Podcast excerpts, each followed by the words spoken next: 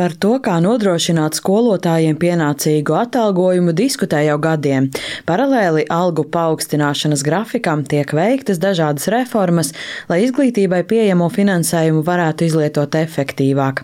Arī šo mācību gadu pedagoģi gaidīja ar lielām cerībām, jo atkal tika solīts atalgojuma pieaugums un papildus tam arī sabalansēta slodze.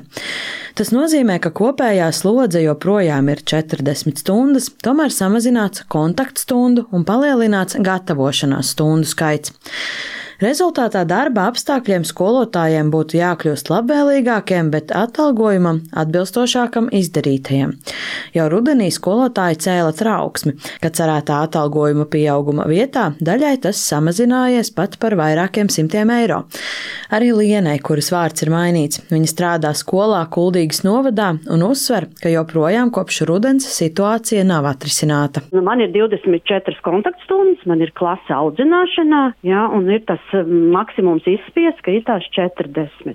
Bet tas šoks nāca tajā septembra beigās, kad viss sāk runāt, ka algas jau būs stipri mazāks. Bet, lai gan direktors šķiroties teica, nu es jums nesolu vairāk, bet mazāk nedrīkst būt. Jo reāli tad, kad saņēmu tarifikāciju, tas bija šoks. Es tiešām es tā kā kaut kādas divas nedēļas nostaigāju tikai uz zālēm. Es pat nespēju saņemties iet darbā, jo tā realitāte bija mīnus 400 uz papīra, nu tad mīnus 300 ar kaut ko uz rokas, tāds, kad salīdzināju. Mm-hmm. Tas bija liels, nu tas ir liels mīnus. Nu, es to nespēju aptvert. Nu, katram taču ir savu maksājumu. Skolotāja atalgojums veidojas no vairākām komponentēm, tāpēc tā vienkārši to aprēķināt ir sarežģīti. Lielu daļu veido valsts budžeta mērķa dotācijas, taču tālāk tas atkarīgs ne tikai no skolas lieluma un vietvaras turības, bet arī dažādām piemaksām, par kurām lemj pašvaldība. Vēl viena vilšanās Lienai un kolēģiem bija, kad secināts, ka, piemēram, piemaksas par pedagoģiju pedagoga kvalitātes pakāpi ir samazinātas vairākas reizes. Tātad alga sastāv no dažādiem mainīgajiem, taču rezultāts ir vienkāršs. Faktiski par 40 nostrādātām darba stundām šogad pedagoģi saņem par vairākiem simtiem mazāk. Un viņa tāda nav vienīgā. Kuldīgas novadā datu par to, cik daudziem atalgojums samazinājies, nav. Vairāk stāsta izglītības pārvaldes vadītājas vietniece Lilita Mačtema mēs redzam iemeslus, kāpēc tas ir noticis. Un katrā izglītības iestādē un katram skolotājam tie iemesli var būt dažādi.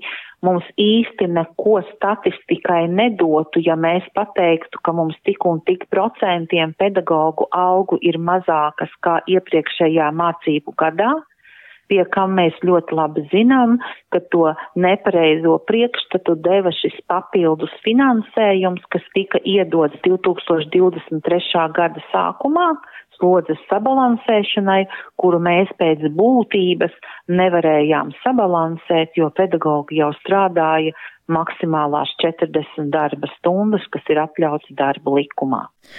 Tātad lielo starpību veidojot arī papildus finansējums slodzes sabalansēšanai, kas piešķirts 2023. gada pavasara semestrim. Slodzes sabalansēšana esot iemesls arī kvalitātes piemaksu samazinājumam. Daudz viet skolās šajā mācību gadā bija jāuzņem jauni skolotāji, kas nosaktu tās stundas, ko agrāk sedza tie skolotāji, kas strādāja vairāk par 40 stundām. Tā kā apmaksāt jaunu pedagoģu izglītības iestādē ir dārgāk nekā piemaksāt jau esošam, nauda piemaksām palikusi mazāk, tā skaidro mačtema. Jāņem vērā, ka tūlīt situācija mainīsies. No šī gada pedagoģu algām jau atkal jāpieaug no 8,50 stundām līdz 9,54 stundām.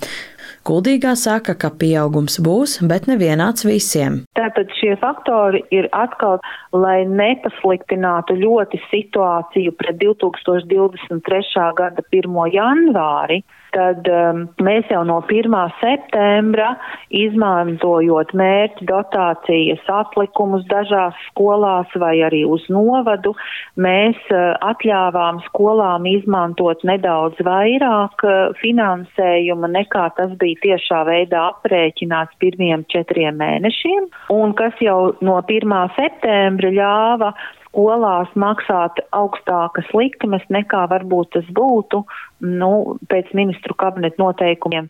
Tagad skolotāji ar nepacietību gaida janvāra tarifikācijas lapu. Ar satraukumu to gaida arī daudzi pirmsskolas pedagogi, jo no šī gada 1. janvāra viņu algas beidzot tiek pielīdzinātas vispārējās izglītības skolotāju algām. Tātad likmes tagad ir vienādas. Taču arī šajā situācijā kāroto mierinājumu bērnu dārza audzinātāji var nesaņemt. No šī gada atalgojumam būtu jāpārsniedz pusotru tūkstotu eiro par slodzi.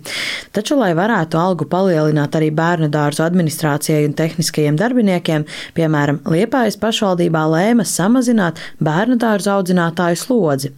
Līdz ar to galā atalgojums nesanāks tāds, kā cerēts.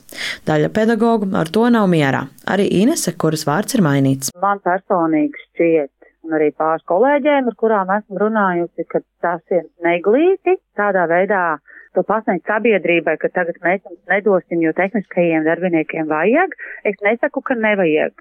Savā laikā esmu strādājis ar skolotāju palīgu un es zinu, kas tas ir par darbu un tas nav novērtēts un nav pareizi apmaksāts. Es teiktu, ka nav pietiekami apmaksāts. Tur arī vajadzētu augu pielikumu daudz lielāku nekā 5-10%, bet eh, vai tam bija jābūt, jānotiek uz kā pasniedz uz mūsu rēķina? Es teiktu, ka nē.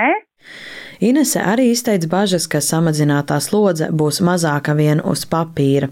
Pašvaldībā lemts, ka bērnu dārzi strādās par pusstundu dienā mazāk, tomēr pedagoģi uzskata, ka patiesībā slodzes samazinājums nozīmē atgriezties pie sliktāk apmaksāta gatavošanās darba. Uz samazinātās slodzes rēķina bērnu dārza audzinātāja atalgojums pieaugs vien par aptuveni 130 eiro pirms nodokļiem. Tātad realitātē situācija nebūs vienlīdzīga ar skolotājiem vispār izglītojušās skolās.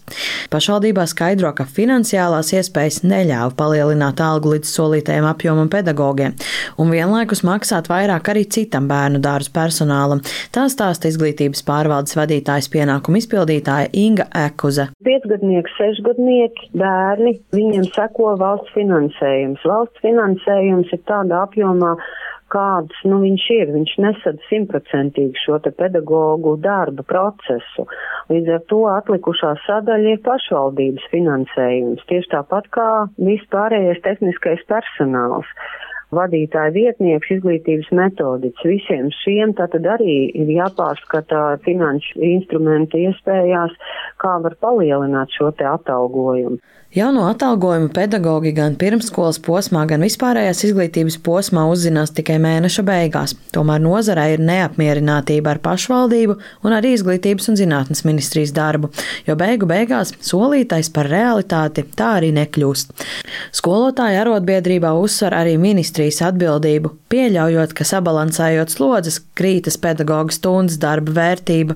Arotbiedrības vadītāja Inga Vanaga nosoda arī vairāku pašvaldību, tostarp Lietuvā Liepājas, Dienvidkurzemes un Saldus lēmumus samazināt slodzes bērnu dārza audzinātājiem. Tā ir tāda, nu, cilvēku Nu, es atļaušos teikt profesionāla pazemošana, ja, jo viņi zina, ka daudzi no viņiem neaizies projām, ka viņiem tas darbs patīk un viņi ir pašaizliedzīgi, un tad viņi, nu, būtībā izmanto, viņi arī saprot, ka tie cilvēki uz vietas pašvaldībā nerīkos protesta akcijas, būs neapmierinātība, kas pēc kaut kādu laiku rimsies, bet, diemžēl, tas rezultējās ar to, ka tā informācija aiziet tālāk.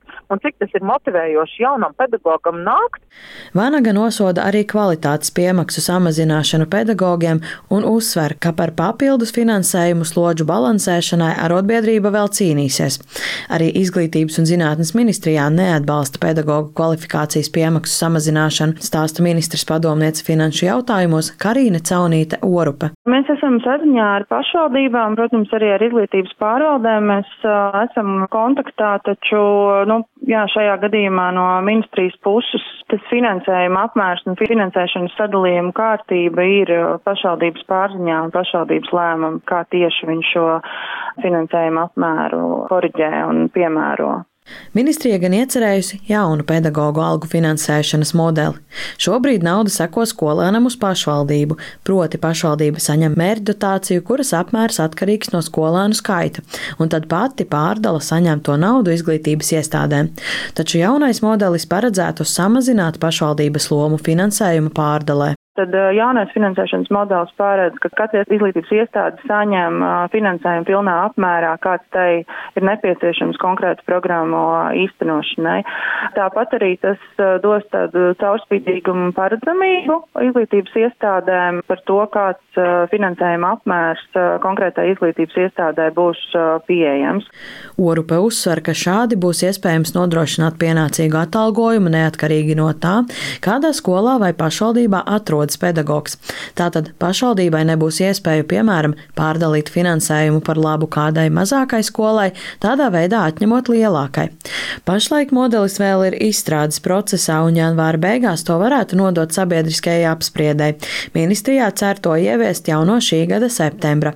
Runājot par atalgojumu, to vai un kāds būs algu pieaugums šī gada pirmajā pusē varēs vērtēt janvāra beigās, kad skolotāji saņems pirmās tarifikācijas lapas. Paula Dēvica, Latvijas radio.